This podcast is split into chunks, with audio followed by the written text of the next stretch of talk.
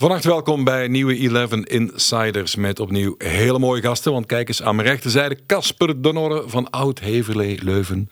Geflankeerd door Siebe Schrijvers.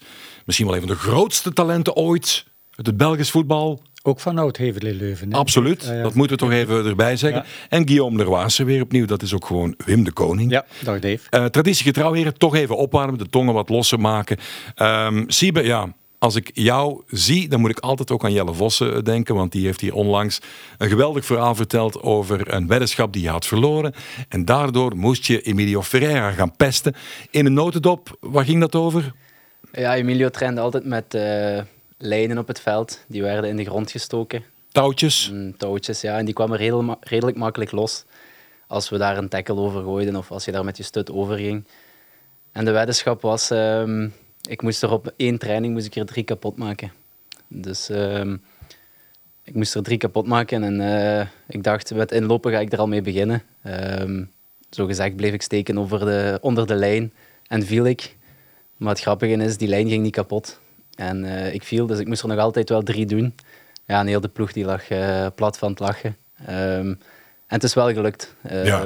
Maar er stonden zoveel lijnen op het veld dat het makkelijk gebeurd was. Eh, in het positiespel stond ik ook niet in het midden. Ik stond altijd aan de zijkant eh, voor, eh, voor eens met mijn stut over die lijn heen te gaan. Dus weddenschappen genoeg. En dat was wel een, een van de vervelendste om te doen. Ja. Maar je ging eigenlijk iets vertellen over die doelman, hè? over Nordin Jakkers. Hè? Want dat is ook wel een, een pret burgemeester. Hè? Ja, we speelden heel vaak kaarten. En ehm Norden was wel eens bij de verliezers. We waren op stage in Nederland.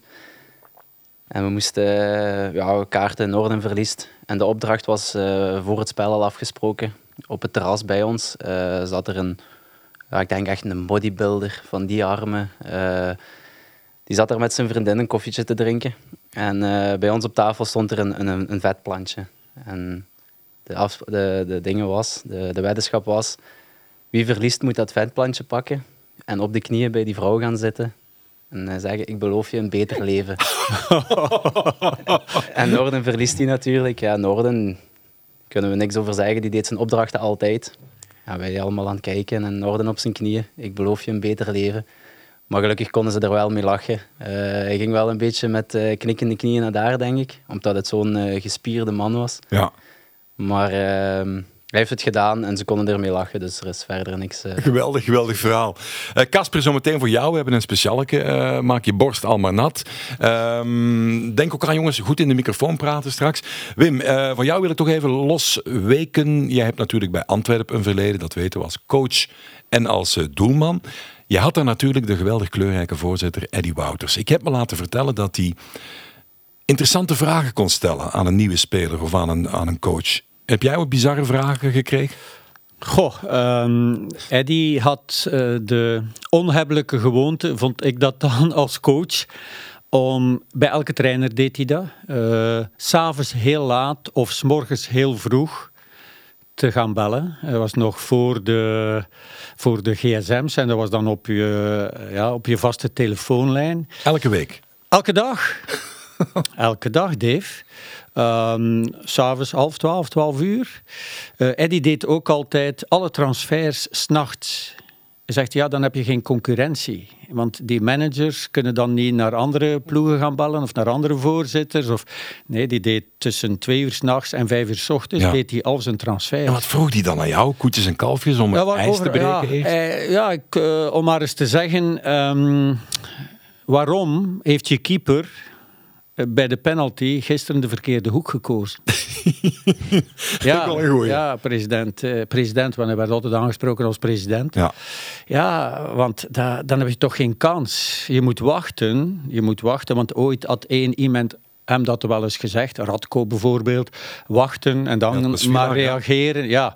Hè, maar als de keeper dat dan deed, wachten en dan rea- ja, maar ja, hij is maar een meter naast hem, waarom heeft hij hem niet gepakt? En, dus hij had zo van die hele moeilijke vragen en vooral waar hij heel erg boos om was, was dat iemand werd uitgesloten voor twee gele kaarten. Daar was hij pist over. Philippe Clément zou vandaag, moest hij trainer zijn van Antwerpen en Eddie Wouters als voorzitter hebben, zwaar onder zijn voeten krijgen dat Van den Bremt na zijn eerste gele kaart niet werd gewisseld. Sowieso. Sowieso. Ja, daar kon hij, nee, hij had hem moeten vervangen. Ja, zeker nu er vijf wissels zijn, vroeger waren Ja. er maar drie. Eh, eh, ja, maar dan gebeurde het ook wel eens dat bijvoorbeeld Harald Pinkston, dat was eh, een centrale verdediger uit Limburg. De die man bij met de zijs achterin. Ja, man, ja, die mm, ziek, prachtige gast, geweldige Ja, verdediger, maar ferme, ferme beer natuurlijk. Die pakte een tegen Charleroi, weet ik nog, bij mij, ik als coach. Na vijf minuten pakte hij geel. Ja, oké. ja, je, weet, je weet wat dat er gaat gebeuren. Hè. Ja, pakt dan toch het risico als coach om hem te laten staan. En hij scoorde dan twee minuten voor het einde de winning goal 1-0. Ja. Ja, dan hoorde je Eddie Wouters niet. Hè? Nee, nee, nee. dat wel. Hè? eh, Maar de volgende keer als iemand twee gele kaarten pakte, en ja, dan moest je met tien verder, ja, dan werd je daar als coach echt wel op afgerekend. Ook als je keeper naar de verkeerde kant... Ja, en er waren coaches, en ik moet zeggen, ik denk, ben bijna van overtuigd, toen wij naar eh, Wembley gegaan zijn, was met Walter Meeuws als coach, hè, finale. Maar hij wilde. Radko in doel, hè? Eh, eh, ja, maar Radko was geblesseerd. Eh, finale Europa-beker. En, en, en Walter Mees moest vertrekken nadien. Er was heel erg veel discussie na die finale en, en, en, een hele slechte atmosfeer. Dat kwam gewoon omdat Walter niet meer wou opnemen hè, als Eddie Wouter s'avonds belde. En je wist, als je om 12 uur s'nachts, s'avonds, niet opnam, was hij daar s ochtends om 6 uur. Oei. Dus dan, dan sliep je al niet goed. Dus eigenlijk verplichtte hij je om toch maar te gaan oppakken. Het was... veel, veel coaches, en ik ook wel een beetje, ervaarden dat een beetje als stalking. Ja, terwijl dat niet was, want hij zei, hey, ik ben wel uw, eh, ik Ja, betaal u wel. beetje hè. me too moet- letteren. Gij- ja, dat niet, hè. Het, was niet, het was niet op dat vlak, maar mentaal bespeelde hij het toch wel. En natuurlijk eh, keek hij heel erg speciaal naar het voetbal op een manier. Hij was ook ex-international, dat zei hij ook altijd erbij. Eh, ik ben een voorzitter die iets van voetbal af weet, en dat was ook wel. En hij analyseerde het van, van naaltje tot raadje, van Ja. kop tot teen. Dus het was niet evident Nee. om coach te zijn van Antwerpen bij Eddie Ja, voor we bij Casper komen, toch even nog opgooien, dat had hij ook. Dan vroeg hij, eh, waar heb je het meest voordeel als linksback of als rechtsback? Ja, wat antwoord je dan? Wat zou je dan antwoorden? Casper. Ehm, geen idee. nee, want... weten. En het heeft te maken met de lijnrechter, Wim?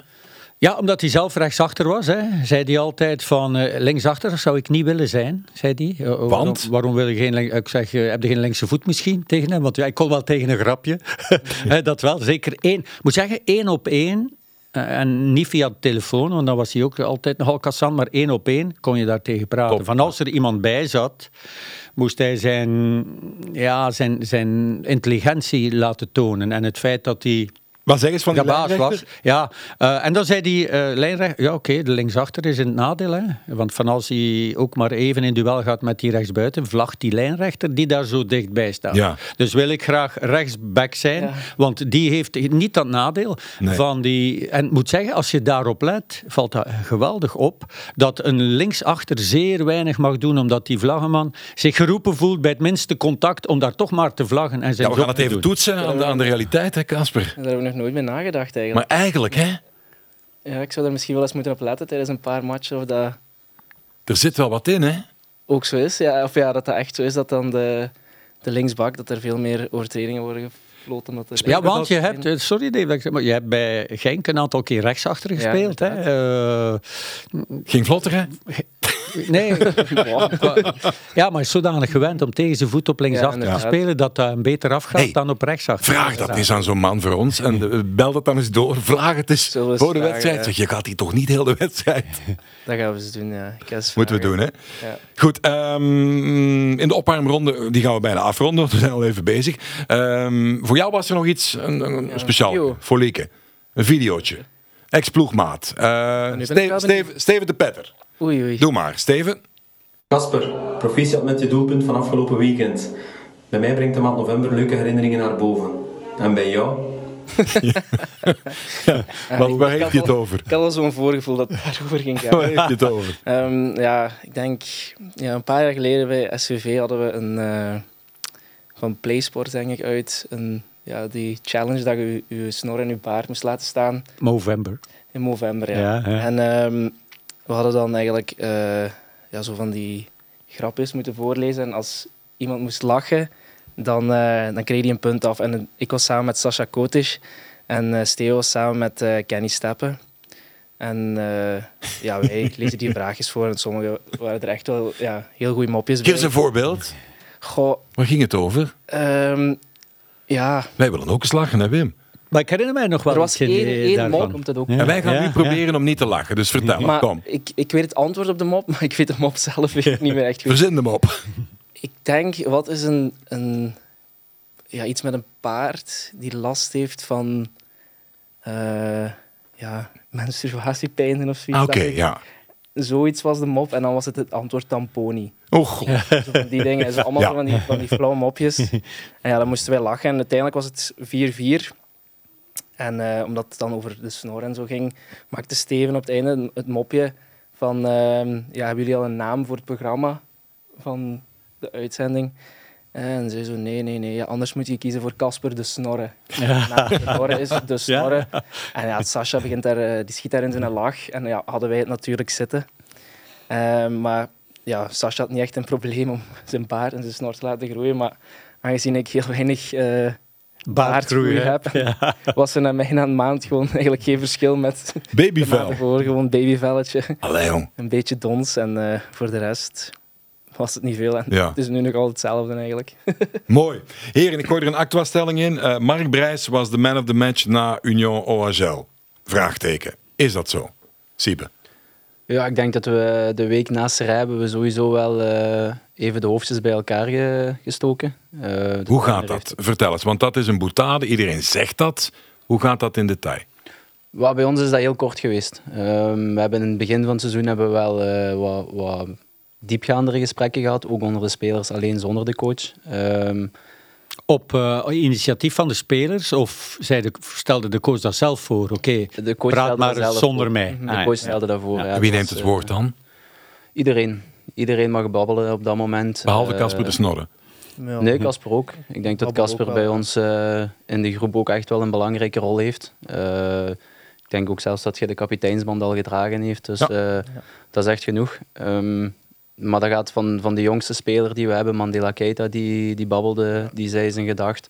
Eh, de kapitein natuurlijk. En, en iedereen mocht zijn, zijn gedacht zeggen. En we gingen allemaal... Ging, dan, eh, ging dat dan over, is dat, was dat voor het seizoen of tijdens het seizoen al? nee, dat was toen we... Toen het al wat moeizaam in ging in het begin begin. hebben we- ja? Een, een tijdje op de voorlaatste plaats gestaan. En ging dat Eh, dan over tactische zaken, manier van, van Over van alles. spelen? Van over alles. van alles. Eh, tactische zaken worden vooral wel met de, met de trainer besproken. Eh, ik denk dat het vooral was over de mindset en dat we ons vertrouwen niet moesten verliezen. Ja. En een paar dingen wat, ja, waar spelers zich aan stoorden. Dan denk ik bijvoorbeeld maar aan eh, de coaching op het veld, bijvoorbeeld dat dat beter moest en, en zo van die dingen. Dus bij iedereen zat wel een verschillend punt. En ah, iedereen na dat gesprek ging, ging positief naar huis. We hebben toen zelfs ook een, een training afgelast, omdat we begonnen met een meeting. Ehm, en toen heeft de trainer gezegd van, het is aan jullie, als jullie willen spreken, spreken jullie. En mogen jullie daarna naar huis, is het geen training. Als er jongens zijn die willen trainen, gaan we trainen. Maar ik denk dat we daar echt wel een uur aan een stuk onder de spelers hebben gebabbeld. Ehm, en ik zeg, iedereen heeft zijn gedacht kunnen zeggen. Wat was jullie gedacht?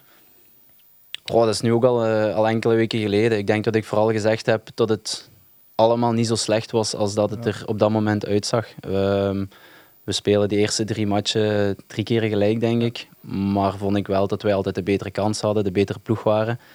Eh, en dat we gewoon positief moesten blijven. En tot er op een keer wel die, die klik zal komen en, en dat we punten gingen pakken. En ik denk niet veel later hebben we onze eerste overwinning tegen, tegen Kortrijk ook beet. Ja.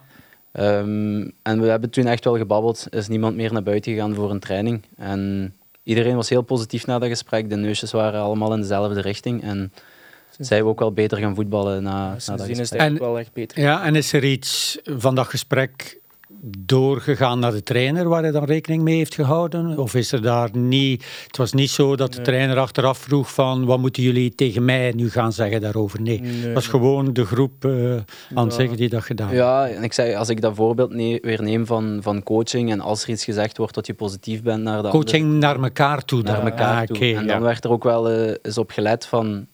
Oké, je mag op het veld soms wel eens uh, potverdorie, Ja, volg je man of weet ik veel wat zeggen. en dan is het ook zaak om, om dat te accepteren.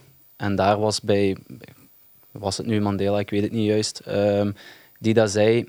En dan wordt er wel over nagedacht. De volgende keer als dat tijdens de wedstrijd gebruikt wordt, of wordt gevloekt op jou, Ja, dan denk je wel van, ah, hier is ons groepgesprek over gegaan, we gaan positief blijven. Ja, maakt En, veel, hè. eh, ik denk dat het, ja, het mentale op dat gebied eh, wel heel goed veranderd van- is. We mochten ook wel eens boos worden op elkaar. En, Ja, allee, zeker. dat Ja. moet je ook kunnen accepteren. En daar ging het ook wel over. Van, soms ook positief zijn, soms ah, moet je ook eens iemand over zijn kloten kunnen geven. Ja, er moet af en toe eens wat klootzakken op het veld. Dat is wel zo. Hè, want Ja, maar het zijn lijkt mij wel een brave ploeg, Ja, hè, wat jullie wel hebben. opgevoede jonge man. Ja, Ja. Dat was, dat was ook nog een punt. Je hebt ene, ene soms schopper, ja. ferme schopper hebben jullie, hebben jullie wel. Hè? Malinov, zou ik hem noemen. ja, dus, ik Maar was dan valt het ook denken. zo op, hè. Maar die- ja, die ja, ja. Ja, een beetje de, de koorknaperij, zeg maar. Jullie zijn allemaal wel opgevoede jonge mannen. Inderdaad, dat kan eens helpen om eens iemand gewoon eh, Ja, ik denk ook dat, voor zijn ik verantwoordelijkheden denk te dat zetten. Mali toen ook wel zei van... Ja, je mocht toch soms ook eens boos mekaar, op elkaar worden. Ja, Ja. zeg maar, eh, neem het eens even mee wat we, wat, waar we het nu over hebben naar voor Union, eh, naar de wedstrijdbespreking. Wat is er blijven hangen? Ehm, wat prijst jullie mee af? Want jullie doen daar wel iets opmerkelijk hè, in die wedstrijd. Goh, ja, ik denk gewoon het, het, het, het tactisch plannetje klopte denk ik ook gewoon perfect voor die wedstrijd. En Wat was dat plan? Ja, gewoon, eh Union is een, een, ploeg die heel veel, ja, met heel veel beweging speelt, heel veel beweging in de 16. Ehm, heel veel spelers die diep lopen, in de ruimte lopen. En ja, dat het vooral ook zaak was om goed eh je man te blijven volgen. En als je te veel naar de bal ging blijven kijken, dat je dan soms eh, verloren ging lopen en dat je meer ging zwemmen op het veld eigenlijk. En nu hebben we eigenlijk meer erop gericht om, om, om de man te volgen. En, en dat heeft wel geloond, denk ik. Ja, want die, die, dat snelle verticale spel van hun, eh, daar zijn ze wel gedreven in natuurlijk, die mooie combinaties. Dat is makkelijker gezegd dan gedaan om dat eruit te halen. Hè, Sibo, hoe zag jij dat? Ja, ik, ik ben helemaal akkoord met wat wat Casper zei. Ik denk, ehm, het, het is ook wel gewoon zaak om, om zelf eh, heel goed te zijn de dag van de match. En ik denk dat dat bij ons zeker wel het geval was. Ook omdat we, ja, we scoren op exacte, exacte momenten, die, wanneer we het echt nodig hadden. Ehm, op een Ja. stilstaande fase bijvoorbeeld. En ook die 3-1 die valt op een perfect moment. Eh, we hebben ook heel veel aandacht besteed aan eh, de middenvelders van Union. Eh, die, Thuma, ja, Thuma en Niels, Niels, ja, ja. die switchten de hele tijd. Eh, dus we hebben ja, op, op training de dag voor de match tien keer stop gezegd. En, en blijf iedereen op de plaats staan, kijk nu eens naar daar. En ik moet zeggen, de, de B-ploegen bij ons dan van, van die wedstrijd, die, die doen dan een beetje de shadow game van Union. Die deden het perfect. Dus wij zijn ook heel goed voorbereid naar die wedstrijd kunnen gaan. Eh, dus chapeau voor die, voor die jongens, die hebben het soms moeilijk. eh, omdat ze weten, ja, ik ga niet spelen, maar die hebben dat perfect gedaan. En dat is dit jaar nog niet anders geweest. zeg eens van jullie B-ploeg, wie was er eh, van Zijren, wie was er Oendaf? Eh, Eh Rezai was sowieso eentje. En ik denk Jesse Sikidika. Sikidika, Eh, ja. Heel snel, heel vinnig. Eh. En wie was Thuma, wie was Nielsen? Thuma was Schengelia, Levan. Levan en eh, Alexis de Saar stond ook op middenveld. Dat was Niels, ja. Schengelia, jong, ex-Tubize, nog wedstrijden van becommentarieerd. ja. Ja, in de tweede klasse toen. Fantastische Straffe keel? Ja, heel goede voetballer eigenlijk, ja. Ik was, eh, Fantastisch. ja, we kwamen, de eerste week dat hij toekwam, keken we echt allemaal naar elkaar van de manier hoe dat hij naar de goal shot. is echt wel eh, echt heel goed. Eh, hij heeft een mindere periode gehad. Ik kwam denk- ook geweldig in in het begin. Hè. Ja, hij scoorde ook twee Ja, keer in- ja, in twee ja, invalbeurten. Ja. Eh. Een belangrijk doelpunt op Antwerpen. Ja. Ehm, hij heeft misschien wel een dipje gehad, omdat hij een keer niet is eh, geselecteerd voor de nationale ploeg. Toen lag ik bij hem op de kamer, heb ik wel een, eh, een lang gesprek met hem gehad. Ehm, Welke nationaliteit heeft hij? Georgië. Zit hij de hele tijd met Mikotadze ook te bellen? Of? Ik denk dat ze na de match tegen Serrail heb ik gezien dat ze truitjes hadden gewisseld, maar Ja, die gaan niet dan- samen naar de samba bar of, of zo. dat weet ik. Wat bruis drinken. Maar je was iets aan het vertellen, Siebe. ja, dat, ehm, ik kwam na de na verzorging bij de kines op stage kwam ik eh, terug op de kamer. En hij was mijn, mijn kamergenoot. En ik zag dat er iets mis was met hem. En ik vroeg, eh, scheelt er iets? Eh, en hij zegt, ja, ehm, het is de eerste keer sinds dat ik fit ben dat ik eigenlijk niet geselecteerd ben voor de nationale ploeg. Ehm, sinds een bepaalde periode. Eh, Hij heeft daar helemaal eh, ja, zijn hart gelucht en ik heb eh, wat info gevraagd hoe, hoe het was bij, bij de coach van de nationale ploeg en zo. Maar ik zag wel echt aan hem dat hem daarmee zat. En, ehm, En kwam dat ook omdat hij bij jullie niet veel speelde? Ze kijken kwam- daarnaar, want ze komen waarschijnlijk niet scouten van Georgië naar ja, dat kwam, Leuven. inderdaad, Ja. eh, dat kwam inderdaad voor in het gesprek dat ik met hem had. Hij zei, eh, ze hebben één match bekeken en dat was, ik geloof, op Club Brugge. Dus dat was ook sowieso een moeilijke match voor ons. Hadden we Ja. niet veel de bal, wel, daar wel een, een fantastisch resultaat. Eh, maar hij moest meer verdedigen en ehm, hij zei van ja, dat is nu ook net de foute match die ze ze zijn komen analyseren. En voor de rest kijken ze niet of speel ik niet. Dus eh, ja, hij zat er wel mee, maar eh, ja, het is en blijft een, een heel goede voetballer. En als ik, als ik moet vergelijken met, met ik ben er van, van januari, de, de kwaliteit in de kern eh, en het aantal spelers die heel veel kwaliteit aan de groep eh, brengen, hebben we echt wel heel veel stappen gezet. Ja, Ehm, net ging het over de, de stilstaande fases. Die zijn natuurlijk eh, berucht, beroemd en bekend bij oud heverlee Leuven. Er is altijd iemand die er wel weer iets nieuws op vindt, de genaamde Bram Verbiest. Ken je dat verhaal trouwens van, van zijn, zijn snickers in zijn broekzak of niet? Nee, dat ik nooit gehoord. Nee, heeft het toch eens gehad of wat was het? Of een Twix of zo. Bij Beerschot zat hij op de bank, bij GBA aan de tijd nog. En eh, ze scoren, hij zat op de bank. Hij veert recht en er valt een snickers uit zijn Ja, broekzak. Als, als speler? Of, Ja, Ja, ja, ja, als als speler. reservekeeper. Mooi verhaal. Maar echt crème van een kerel en we Ja, all love him top. to death. Schitterende gast. Vertel eens, Bram Verbiest op training, achter de schermen, oud heverlee Leuven. Die fases, hoe gaat dat? Casper. Goh, ja. ehm, vooral... Afgelopen vrijdag bijvoorbeeld, Ja. scoor jij? Ja. Ja, Maar het lukte niet, denk ik, hè, het het plannetje. was niet... Het- was niet wat erin gestudeerd was, denk Wat ik. hè, was maar het officiële plan? Ehm, het was eigenlijk gewoon een ingeving, Ingeving, van het moment. ja. Eh, Ja. We zijn heel vrij eh, om te doen wat we willen. We krijgen wel wat dingen aangereikt. Maar uiteindelijk eh, is het Xavier die toch meestal beslist wat er gebeurt. En ik denk... Ja, ik wist zelf eigenlijk niet wat er ging gebeuren. Want ik moest normaal bij die fase op de, op de 16 staan. En ehm, ja, ineens doen ze dat. En die bal voelt voor mijn voet en schiet ik hem binnen. Maar dat was totaal niet, niet ingestudeerd. Nee, maar op training, daar wordt toch heel veel over geschreven en gezegd. Dat jullie daar uren en uren, mee- hoe, hoe nauwkeurig en ja, hoe, Dave, hoe plezant is dat? Voor allemaal? iedereen dat door had, hadden ze er al vorig seizoenen wel een aantal gescoord. Hè. Ja. Toen dat een eigen leventje is beginnen leiden. Ja, natuurlijk wordt er daar dan door de tegenstander enorm veel aandacht aan besteed. Hè. Ik kan me voorstellen. Zit er zo geen grappig verhaal achter eh, van binnenpretjes dat jullie dan iets ingestudeerd hebben dat er dan net helemaal niet uitkomt of wel uitkomt? Want dat leeft dan wel bij jullie wellicht, hè?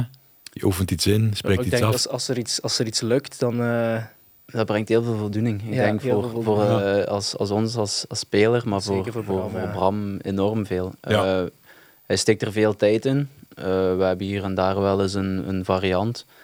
Maar er wordt ook zoveel... ai, wij worden ook geanalyseerd. eh, dus ik denk dat we er eh, vroeger, toen ik er pas bij was, veel meer aandacht aan gaven dan dat we dit seizoen doen. Ja. Eh, natuurlijk kan je het werk wat ze doen niet onderschatten, want ehm, het is maar eh, die goal die we op Union maken, is misschien niet ingestudeerd, maar omdat we ook die vrijheid krijgen, komt die er wel. En, ehm, dus ai, het aantal goals wat wij op stilstaande fase al hebben gemaakt sinds dat ik er ben, is wel eh, enorm goed. Ja. En heeft, heeft Bram daar de volledige verantwoordelijkheid in? Of zou je dat overleggen met, met, eh, met Mark Brijs dan? ik denk dat Bram er redelijk Ik- ja, vrij is. Hè. Bram Ja. is er vrij in en ik denk dan eh, beginnen we die op training wel eens eh, ja, uit te voeren. En hier en daar komt de trainer er wel tussen van Zouden we zo zouden we zo, zouden we dit, zouden we deze speler wisselen met die speler.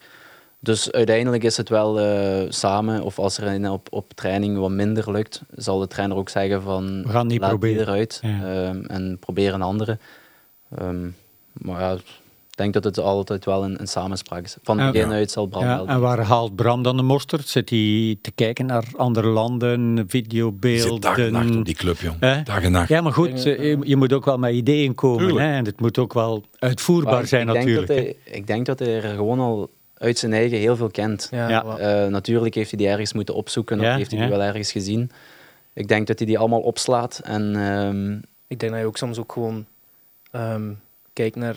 Hij analyseert altijd de corners en de vrije trappen van de, van de tegenstander. En ik denk dat je ook gewoon soms ook dingen zelf uitvindt. Gewoon van, en Oh, dat hij kijkt van waar de ruimte van. zijn. En ik ben er vrij zeker van ja, dat hij ook gewoon zelf met nieuwe dingen komt die nog nooit ergens... ge- Ja. Ja, want tegenwoordig heb je inwerpcoaches hè, Ja.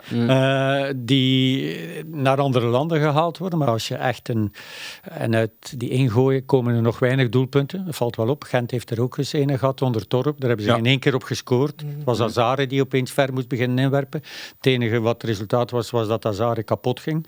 Van altijd maar zo ver in te gooien. Want ja, dat kost enorm veel kracht. Ja. Maar ze scoorden er wel niet op. En er kwam, ik denk dat de Noor was, hè, die speciaal afgekomen was. Ja, Bram zal straks hot zijn. Hè, eh, als in, ja, in Engeland, ik zeg maar iets. Hè. Ja, maar Misschien is dat wel eh, voor hem een, een heel speciale aan, carrière. aan, aan Bram is, je kan er zo mee babbelen. Ehm, ik was dus op mijn gsm gewoon aan het scrollen en ik zie daar een corner, een fantastisch uitgespeelde corner. Ik sla die op, ik stuur die door naar Bram. Hij stuurt top, eh, die gaan we zeker eens proberen. Ja. Nu, het is nog niet zo lang geleden en we hebben hem nog niet, nog niet echt Nee. geprobeerd. Maar ik weet wel dat hij dat opslaat en dat hij denkt, als die mogelijkheid er is, gaan we die proberen. Dus er zit wat aan te komen. Wie weet. Hey, zeg, ik was eh, vorig jaar bij jullie op het oefencomplex en dan eh, heel leuk gesprek had met Kamal Soha, die er toen nog zat. En ehm, die vertelde me dat hij een foto zag van Bram vroeger en hoe die nu was. Hij kon het niet geloven. Bram heeft ook heel veel humor. Hè?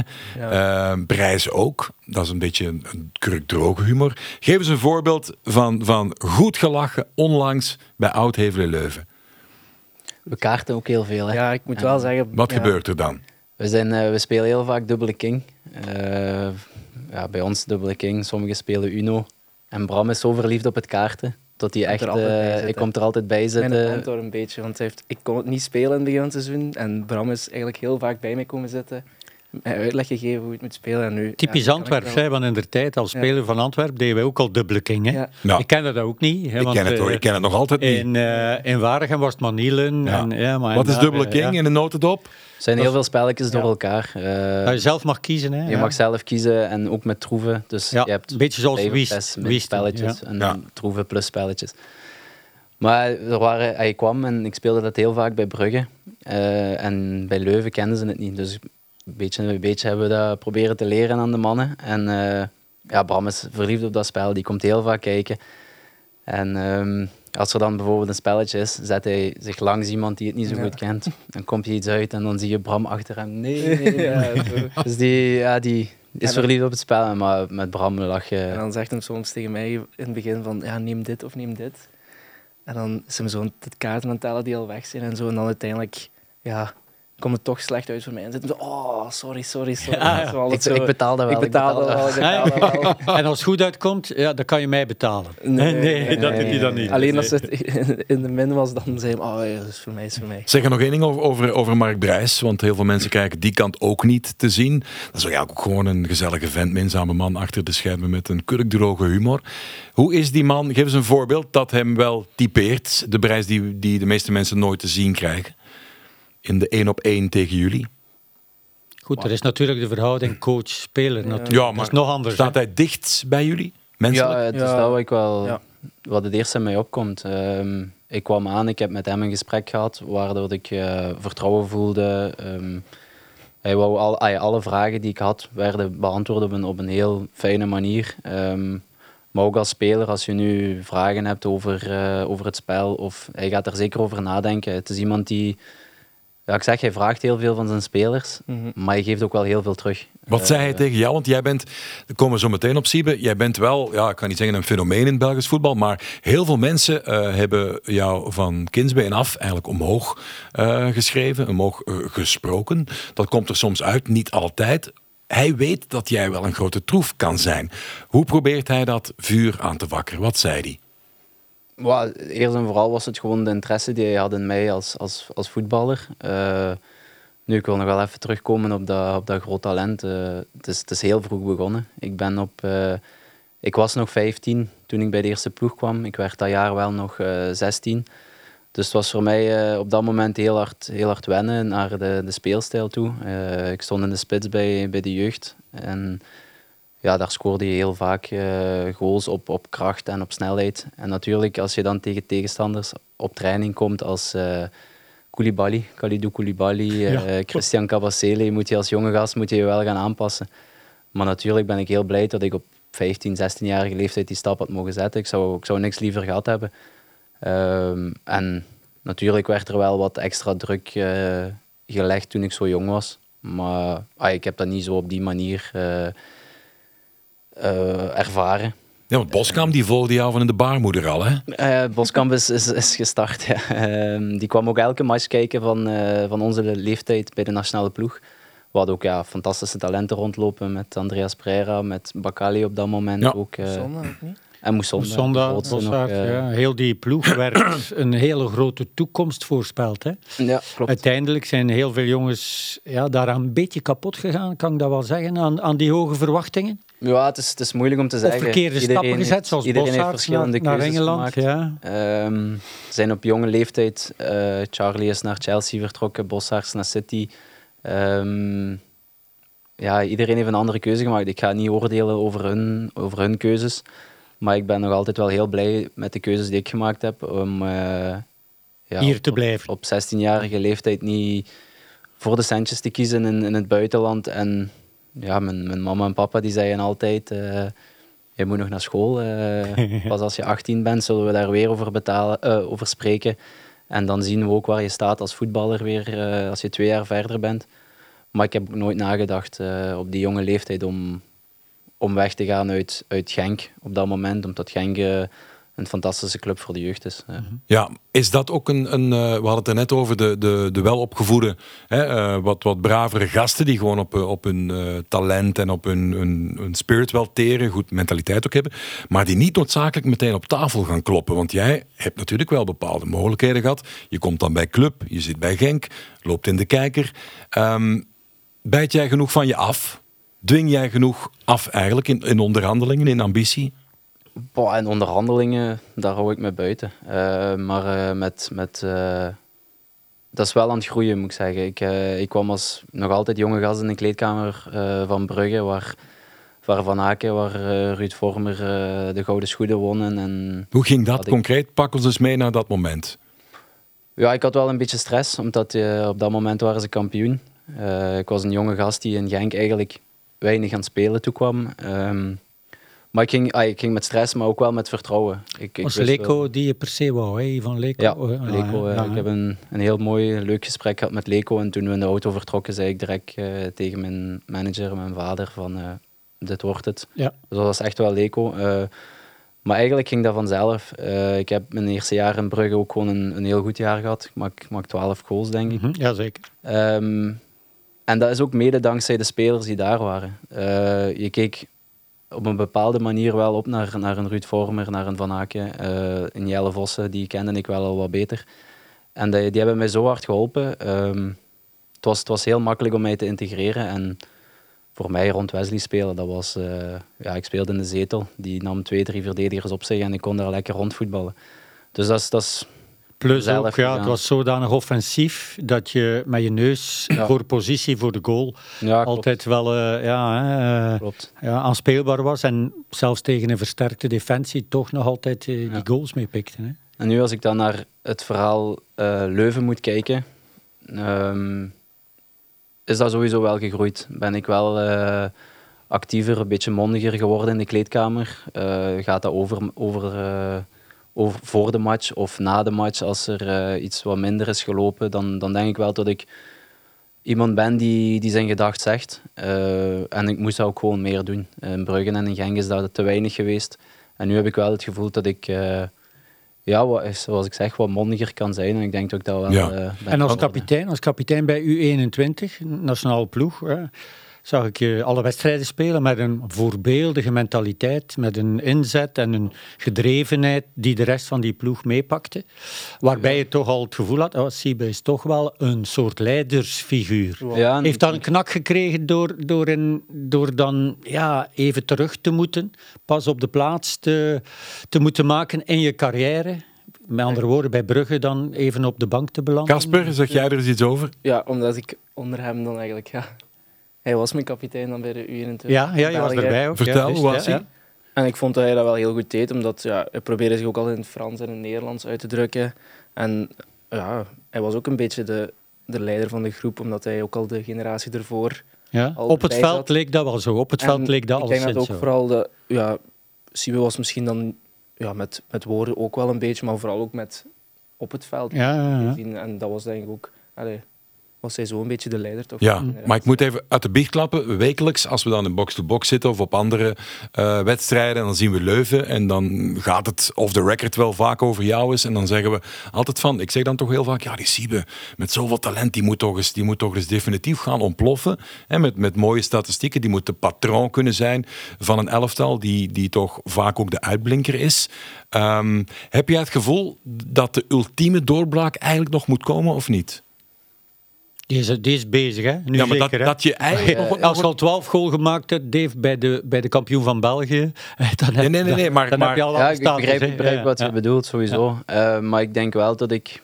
Ik zit bijna aan 300 matchen ook. Ja, ja. Dus eh, ik denk niet meer Ja, dat we kunnen ervaring spreken genoeg, ja. over, de, Ja. over de doorbraak. Maar inderdaad, ik kan... de constante kan- erin, zeg maar. Inderdaad, ik denk eh, dat ik dit seizoen minder ben gestart. Door omstandigheden ook.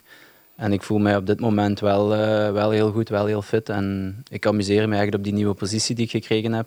En ik vo- voel ook dat ik daar stappen in blijf zetten. En eh, als ik die constante van, van de laatste matchen wat, wat kan doortrekken, dat gaat misschien minder zijn met doelpunten en assisten nu, omdat ik een, een rij lager ben ge- gezet nu. Maar Ja. ik denk wel dat ik op mijn manier eh, nog altijd belangrijk kan zijn. Ja. Ja, want je zei daar, oké, bij Brugge, ideale positie, ja, naast Wesley veel vrijheid. Bij eh, Oud-Heverlee Leuven speelde je in een hogere positie, meer op de counter, van verder moeten komen. Dat Mhm. lag je op een gegeven moment iets minder, hè? dat zag je. ja. En die nieuwe positie, die vul je geweldig in. Terwijl je eigenlijk, ja, iedereen dacht van, hm, Siebe, is die wel de man? Allee, wij dan, van buitenaf, is dat wel de man om op die positie te gaan voetballen? Maar het gaat je geweldig af. Heb je dat overlegd met Brijs? Of hoe is dat gekomen?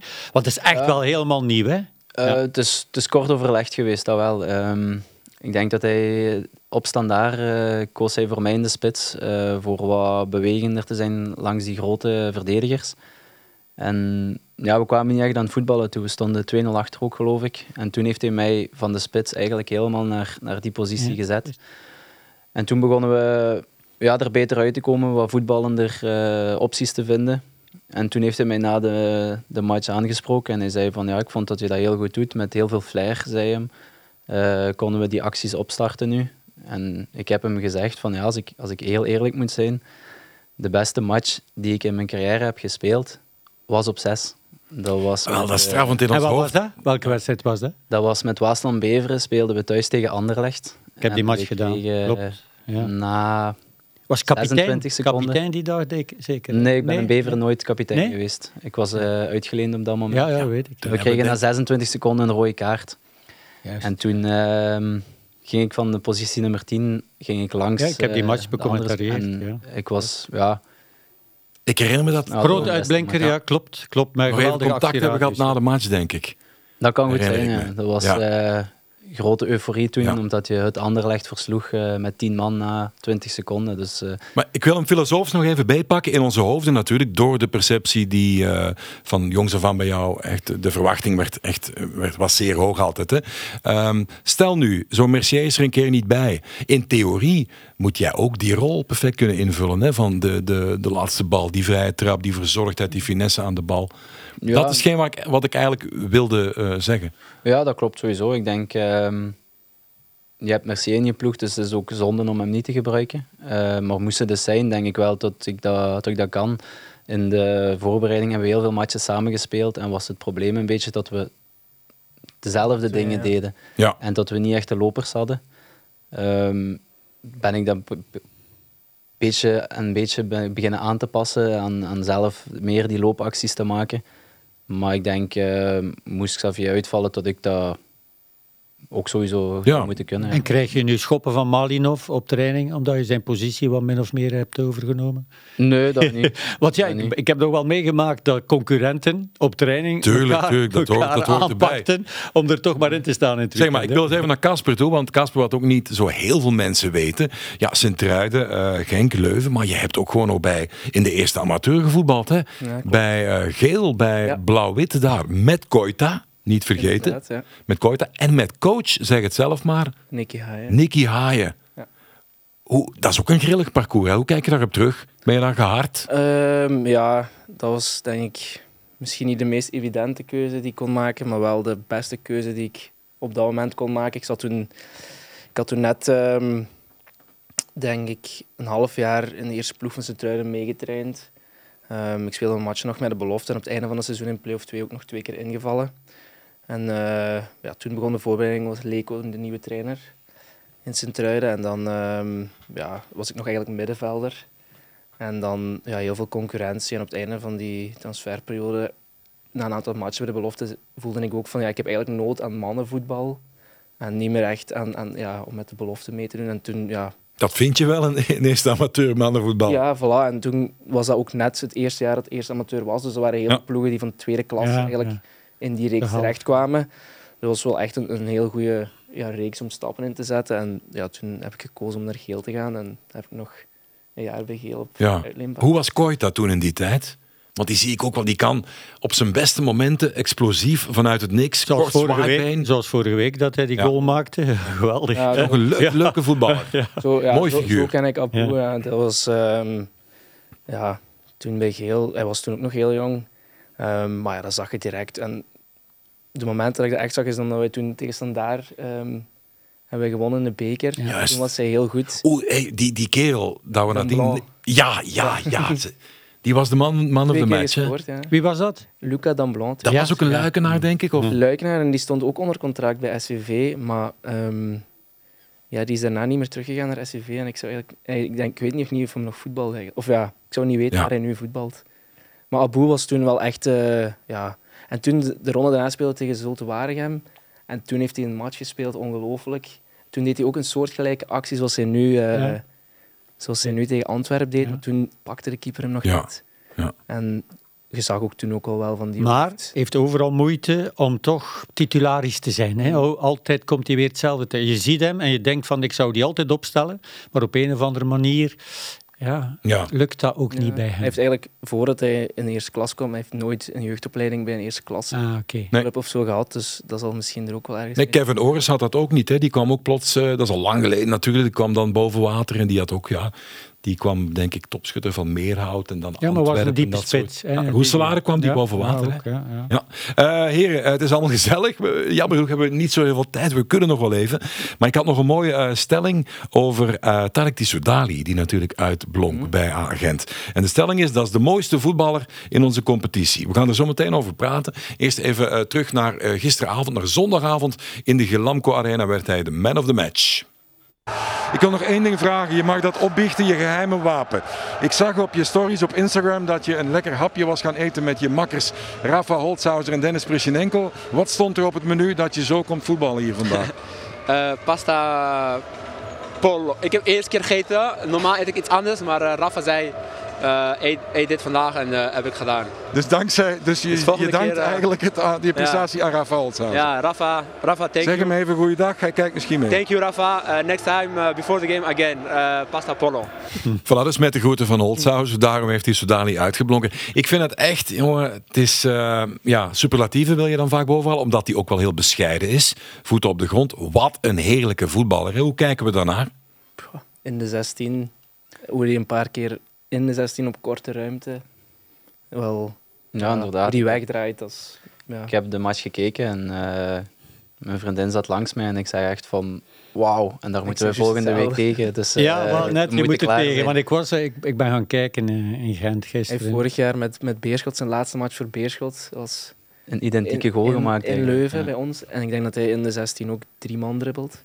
En hem zo heel rustig binnenlegt, maar dat is denk ik... Ja, ja, met een, met een chipje over de keeper nog in, zo, op de vijf meter. Dus dat was ook een, een fantastische goal. En speelden we gelijk of verloren die match? Verloren, uh, 0-1. Dus uh, ja, hij zit nog wel in onze hoofden, maar het is een ja, fantastische voetballer. Ik heb uh, wel genoten van hem gisteren. Ja, ja was man van de match, maar had Dave vijf goals kunnen maken. Hè? En dat is niet de eerste keer, hè? Nee, en ook, oké, okay, ook kansen die hij, uh, in het verleden. Ja, die kansen die hij zelf afdwingt ook, en die ja. door in de 16, want Lifeis en Ducen, die gaan niet goed slapen hebben, hè, waren al stand. Nee, maar het mooie is ook, er is een, een, een fase geweest... Uh, waar dat hij nog wil breed leggen, terwijl hem echt wel zijn hat kon maken. Ja, ja, dus het is iemand die, die kan dribbelen, maar die ziet ook nog wel altijd zijn medespelers. Maar dat komt door de actie die Nurio Fortuna de, de week voordien op de mat legde. Hè? Toen uh, Van Aasboek duidelijk aangaf van ik wil geen egoïsme, dan gaat hij dat in zijn groep zeggen.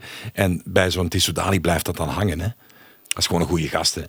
Ja, maar goed, ja, ja dat is geweldig. Die denkt toch los, ik moet hier uh, die bal afleggen, want de coach heeft dat recent. Maar ik denk dat hij niet denkt, hè. dat moet mij een beetje denken. Instinctief. Aan, aan Cisse Sever en Sinse begonnen ook altijd aan een dribbel waarvan je dacht van, wat gaat hij nu doen, waar gaat hij eindigen? Ja. Hij wist dat zelf niet, maar hij eindigde altijd wel ergens uh, op, in een gevaarlijk standje. Alleen, uh, ja, als Tarik ook nog wat efficiënter wordt, dan, uh, dan is hij eigenlijk ja. goed voor agent. Maar is hij de mooiste is... in, in de Super Pro League?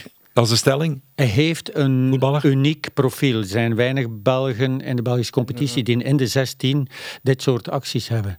Ja. Uh, maar ja. Uh, ik denk het ook. Ja. We zijn we akkoord of niet? De kwaliteit is, ja, inderdaad. Maar we hebben ook nog de. Ja, hebben lang, lang, lang heeft dat ook wel. Eens, hebben, het is toch nog anders. Maar, maar de manier van Bongonda, ja. Benson. Ja. Is dus wel heel specifiek, vind ik. Zo echt heel ja, echt zaalvoetbalbewegingen. Ja, ja, de motoriek ook, de, hoe hij de elastieke benen, dat is waanzinnig ja, soms. Voilà. Hè? Ja. ja, klopt, maar je hebt heel veel, zoals Noah Lang, uh, zoals Charles wordt hier aangehaald, daar heb ik ook mee getraind. En op trainingen zijn er ook momenten dat die, dat die wegdraaien en dat uh, ja, Noah in, in, in, korte matchjes, ja, die, die dribbelt iedereen en, en scoort bijvoorbeeld. Dus dat gebeurt ook nu. Tuurlijk om, om het zo te doen, gelijk die, die goal die hij gisteren maakte op een, op een wedstrijd tegen Standaard, een, een belangrijke wedstrijd op een heel moeilijk veld, dat leek mij persoonlijk. Ja, dat was. Uh, dat was. Waren de verdedigers aan het glijden en hij was degene die recht bleef staan en, en mm. de motoriek die zat, uh, die zat heel goed daar. Heb je ook gekeken, Casper, of heeft Siba alleen gekeken uh, met het oog op volgende week? Ik heb het niet gezien de dus? eerste helft ah. niet gezien. Nee? Oh. En de tweede helft stond op, maar ik heb niet de hele tijd te nee, het, is best, nee. want, uh, het was het beste Gent uh, van heel het seizoen. Hè. Ze waren uh, echt wel supersterk. Alle, ja, veel mensen zeiden oké, okay, zwak standaard. Maar Gent was echt wel heel erg goed gisteren. Absoluut. En groei naar, naar de beste vorm nog toe eigenlijk. Hè. Er is nog wel wat marge. heren, zometeen nog een stelling. Even tussendoor. Klein quizje doen. Zin in? Tuurlijk. Ja, je mag als eerste antwoorden. Je moet niet uh, de vinger opsteken. Wie het eerste antwoord, uh, die is gewoon uh, gewonnen en die heeft een punt. um, hoe heet het Park waar Union in voetbalt? Dudenpark. Oh. Kasper, een punt. Onthoud je eigen score. Het wat ik weet, Dave. Dat is ja. niet antwoord. Vraag 2. Um, wie was de eerste Vlaamse club die kampioen werd in de nationale eerste klasse in 1911? Kom aan, mannen. Ik zou Antwerpen zeggen. Nee. Cercle Brugge? Is juist. Ja, ja, ja, de vereniging. Pure gok, hoor. Ja, dat, is, dat, is een, dat is een instinct, hè, want daar denkt niemand aan natuurlijk. De vereniging. Kijk eens aan. Um, de volgende. Wie verdient het meest bij OSL? Zie beschrijvers. dat is twee punten voor Casper. Dan, uh, Hij heeft niet geantwoord, hè? Steve heeft niet geantwoord. De vierde, we kennen allemaal natuurlijk Wesley Sonk. Geweldig rode duivel, international met Ibra Kadabra gevoetbald bij Ajax. Ook altijd een goede uitlegger tegen de ref en protesteren tot het... Ja, tot het bloed van de nagels kwam bij de ref. Wat heeft hij gepakt? Een cap op 55, denk ik. Hoeveel gele kaarten heeft hij gekregen? In, in de nationale carrière, ja. En zijn carrière? Ja, bij de Rode Duivels. Bij de Rode Duivels? Nul. Drie. Nee. Acht. Nee. Jij zat er dichtbij. Twee dan? Twee is goed. Casper, die heeft al drie, drie punten. De laatste voor de vorm, want Casper is eigenlijk al gewonnen. Noem twee ex-werknemers van de politie die een eerste klasser trainen. Mark Brijs. Frankie drie. Goed zo, Siebe. Ja, dat is hier wel uh, 4-1 voor het jonge. Ja, ja, ja, Dave. Ja, mijn, mijn uh, harde schijf zit al lang vol, hoor. Ja, Ik ja. komt er niet meer uit. Ja, dan iets anders, uh, mannen. Dat is toch wel een beetje een, een, een, een gevoeliger thema, want we leven allemaal wel een beetje mee met die man. We hebben een, een quoteje nog klaarstaan van Yves van der Hagen na de winst van Cercle Brugge. Dat gaan we eerst even beluisteren. Yves van der ik zag na afluiten dat er een hele grote opluchting te zien was bij jou. Dat er een, een pak druk van je schouders viel. Ja, dat is ook normaal. Hè. Als je ziet uh, hoe lang dat geleden is dat we nog gewonnen hebben. En ook uh, hoeveel keer dat we eigenlijk aanspraak maken op ja, zelfs een punt of zelfs een winst. En ik kan wel een aantal matchen noemen. En elke keer lukt dat dan niet, dan is dat elke keer wel een mentale tik. En ehm, het is toch frappant, denk ik, hoe elke keer cirkel um, zich toont als ploeg en hoe, hoe moeilijk we het de, de tegenstander maken. En uh, eindelijk, zou ik zeggen, eindelijk hebben we het een keer afgemaakt. Heren, uh, jullie zijn uh, warme jonge gasten met een gevoelig hart ook wel, denk ik af en toe, met empathie. Wat vinden jullie van de timing van dat ontslag? Maar ik vind het heel raar. Ehm, er zijn matchen geweest dat ze verliezen, dat ze wel, eh, wel punten kunnen, kunnen halen. Eh, zoals hij zelf ook zegt. En dan is het na, na een winstmatch is er heel veel euforie. Dan hoop je dat je bent vertrokken en dan krijg je toch wel een beetje eh, ja, vertrouwen voor naar die volgende wedstrijd toe te werken. En dan als je dan de dag daarna hoort dat het, dat het erop zit, dan moet dat wel extra hard binnenkomen, denk ik. Ja, Casper. Ja, ik denk gewoon ook van het feit dat het al, eigenlijk al beslist was. Dan hadden ze evengoed ook al voor de match kunnen zeggen, van, of door de week, dat het zo, zo ver was. Maar ja, Zijn vader de vorige Ja. week overlezen. Ze hebben het niet gedurfd op dat moment wellicht. hè? Nee, maar ehm, het, het, het rare is, ze zitten zo te snakken naar een zege. En eigenlijk kwam die zegen en heel slecht uit. Ja, voor het bestuur dan en ook voor Monaco. Kijk, ik denk dat ze in Monaco heel erg weinig empathie hebben met Belgische trainers of met mensen zoals Yves van der Hagen. Dat ze die ook niet kijken naar die wedstrijden, maar alleen maar kijken naar het resultaat. En als ze dan naar het klassement kijken, denken die, ja, we moeten daar iemand anders zetten. In plaats van wat betere spelers van Monaco te brengen. hè. Ja. Ehm, ja, en dan gebeurt het, het feit dat er daar al een andere assistent was gekomen. Thomas Buffel moest opeens vertrekken. Ja, dat was al wel Dat is een beetje- trend, hè, de assistent buiten. ja, maar goed, er, er kwam een Oostenrijker. Hè, Ja. Dus de- dat was al een beetje de weg vrijmaken voor degene die er nu komt. Die er nu komt. Ehm, ja. Ex-coach van de vrouwen trouwens, negen jaar. Ja. Een jaartje Lins. Eh, Las speelde wel een beetje zoals eh, de Red Bull school voetbals. Hè, zoals Oostende vorig jaar een beetje furore heeft We gemaakt hier. We hebben ja. tegen Lins gespeeld in Ja, de, ja, de deden- Champions League vooral, Ja, met, ik. met club, ja. Ik heb ook die match gedaan met Klaus, zo oud Klaus, als Ja, diepe klopt. spits toen, die nu in standaard zit. Dat soort voetbal. 7 miljoen voor had geboden. Ja, ja, maar dat soort voetbal speelden die. Eh, heel erg stugge, moeilijke ploeg om tegen te voetballen. Geen grote voetballers, maar met een gegenpressing, zoals ze Ja. het noemen. En dat, is nu, dat maakt opgang. Hè. Dat, dat is, dat is in tegenwoordig. En misschien denken ze, door het feit dat hij op die manier bij Lins gekomen is en, en het werd al op die manier gevoetbald vroeg, dat Cerke dat ook nu zo gaat doen. Maar je moet daar wel de spelers voor hebben natuurlijk. En dat ga je niet in 1, 2, 3 omdraaien. Maar het is erg voor Yves natuurlijk. Oké, hij heeft in de tijd Kortrijk ook laten zitten om naar een beter contract bij Koeken in Oostende te gaan. Hè? Ja, en dan werd hem dat dan aangevreven. Eh, maar ja, trainers die... die eh, en Philippe Clement is ook vertrokken in Waasland-Beveren. Ja, en hij had daar scrupules rond. Maar ik weet dat Gert Verheijen, die een goede vriend is van Ja. Philippe, hem toen de advies heeft gegeven van als je 0 op 9 haalt, Philippe, gaat het toch wel buiten vliegen hè, in Beveren. Dus doe maar. Hè. En eigenlijk is het ook zo. Hè. Zowel Nee, absoluut. bestuur absoluut. als, als coaches ja, Maar goed, kijken altijd naar zichzelf. het is- het is een- natuurlijk een heel slechte timing. Het is een harde wereld op zich. Is Ja. die, die wereld te hard?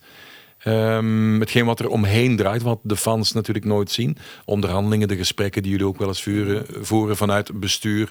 Sommige spelers die in C-kernen belanden. De druk die erbij komt Druk? kijken voor die mannen, hè, dat is toch ja, de druk die erbij Heren? komt kijken. Maar als we het over, over onderhandelingen en zo hebben, dan hou ik mij daar zoveel mogelijk buiten. Ik Maar de rest? een, eh, ja, ik kan heel hard geloven dat, er, eh, dat het misschien wel een vies wereldje is. Maar hier en daar heb je er misschien wel wat van meegekregen, maar wil je dat niet echt geloven en, en zet je je hoofd ergens anders op.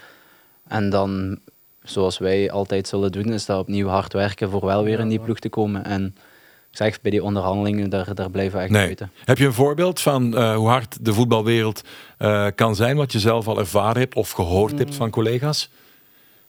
Je hoeft ze niet met naam te noemen, maar gewoon dat we dat- Maar ik denk dat er, als ik bijvoorbeeld een voorbeeld moet nemen, was er een, een speler die, ja, die wou ze verkopen. En die moest kosten wat kost spelen, ook al eh, was die de dag voor de match zat op training aangekomen. En eh, speelde hij wel nog de, de match eh, in het weekend.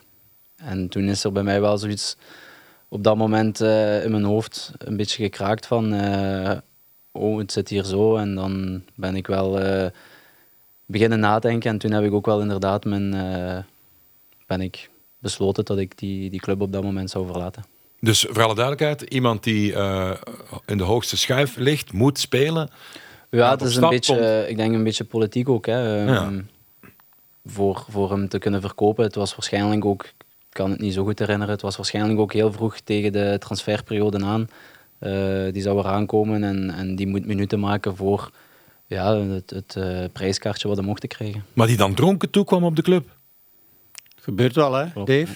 Gebeurt wel. Allee, maar toch niet op matchday. Maar wat, Nee, niet op matchday. Nee, nee, de, Dag- de, de- dag- de dag ja, voordien, ja. de dag voordien. Maar goed, dat doe je ook niet meer. Maar je zou toch denken dat dat Vroeger was 80s, dat- 90s, Ja, dat dat een nee. schering en inslag, hè? Nee, ja, maar goed. eh, Ja, er misschien nog een wel. dag na de match misschien sommigen wel eens Ja, beschonken kunnen toekomen. dat mag ook wel eens, Dat hè? mag dan wel eens. Tuurlijk. ik, tuurlijk. ik kan Mensen- e- ja, wat Siebe nu vertelt, ja, even staven. Eh Eddie Wouters die geloofde niks, tenzij een makelaar met geld kwam. Toen wou hij het altijd wel geloven, Ja. hè, omdat ja, de, de, de financiële situatie was wat precair ook in Antwerpen. En op een gegeven moment, toen ik daar coach was, roept hij mij en hij zegt, kijk, we hadden daar eh, in, de, in de groep van 35, want we hadden een hele grote groep, eh, een Oostenrijkse voetballer. En hij kwam bij mij en hij zei, kijk, zegt hij, eigenlijk zou die moeten spelen. Maar was niet goed genoeg om te spelen, want zijn makelaar heeft gezegd dat hij hem gaat naturaliseren tot Nigeriaan. Ja, ja, tot Nigeriaan. En dat hij dan, als hij genaturaliseerd is tot Nigeriaan, dat hij gaat eh, bij de volgende wereldbeker erbij zijn. Dus een unicum, de eerste blanke Nigeriaan in de wereldbeker voor Nigeria. Dus ja, ja, ja, ja, en dat gaat, eh, eh, ja, die gaat heel veel waard worden. Hè. Dus eigenlijk zou die moeten spelen. Ja, maar eigenlijk is hij te slecht voor hier mee te doen. Ik denk niet dat hij, zei ik dan, hè, ik heb hem ook niet opgesteld. Maar ja, dat werd toch even geopperd. Hè? Om maar te zeggen wat er allemaal speelt. Hè? En waar spelers dan, gelukkig genoeg, eh, geen, eh, geen weet van hebben. En het is goed dat die jonge gasten nog vooral profiteren van, eh, van voetballen. En plezier in het spelletje. En eh, elke training u amuseren. En tijdens de wedstrijd ja, is er weinig amusement, tenzij je wint. Hè? Eh, Absoluut. eh, en voor de rest, eh, ja, op naar de volgende. Hè? Ja. Zo gaat dat. Wie is de beste drinker bij Leuven in de bus na de match? De minibar, plunderaar? Dat is mooi, want in het begin van het seizoen hadden we niks. Nee, hadden we Niks? We wonnen Nee. natuurlijk ook niet veel in het begin, eh, die Wat uitwedstrijden. zit er nu in? Eh, nu hebben we Stella natuurlijk, Stella, ja. van Leuven eh, ja. uiteraard. Ja, en mag je dan een halve de man of wat mag van Brijs? Nee, daar wordt niet naar gekeken. niet. Nee, het is alle remmen los. Het enige, nee, het enige, het is, eh, we moeten blazen als ze van de bus Ja, stappen. Ja, nul- het is 0,0. Nee, dat niet. Dat niet. Nee, eh, heren, aller, allerlaatste vraag. Heel kort antwoord alsjeblieft. Champions Playoffs, ik zoek vier teams. Ik wil niet te veel voorbereid zijn. Eh, Schud ze uit je mouw. Casper, wie gaat dat spelen? Ehm, Union, Brugge, Antwerp en Genk. Siebe. Ik wou exact dezelfde zeggen. Maar, Maar ik wil iets anders zeggen, dus ik moet even eh, Brugge Union, denk ik. Eh Antwerp. En ja, ik wil Genk zeggen, omdat ik ze echt nog wel eh, ja, die, die goede vorm zie terugkrijgen. Maar om iets anders te zeggen, ga ik eh, Gent zeggen. Oké, Ja. eh, Wim. Ja, de- Die vier, zoals Siebe ze noemt, zaten in mijn kop. Hè. Eh, nog Union. Union, Brugge, Antwerp en Gent. Dan zijn we heel eh, benieuwd wat het gaat worden. Eh, bedankt voor de aanwezigheid, Casper de Norre en eh Siebe Schrijvers. Doe ze veel groeten in, eh, in Leuven, hè, bij die mooie club van jullie. Wim, bedankt. Wim de Koning. Graag gedaan. Voilà, je kan het herbekijken, herbeluisteren op alle gekende podcastkanalen tot YouTube toe. Doe maar op, zou ik zeggen. We zijn de volgende week gewoon opnieuw een nieuwe 11 Insiders. Bye bye.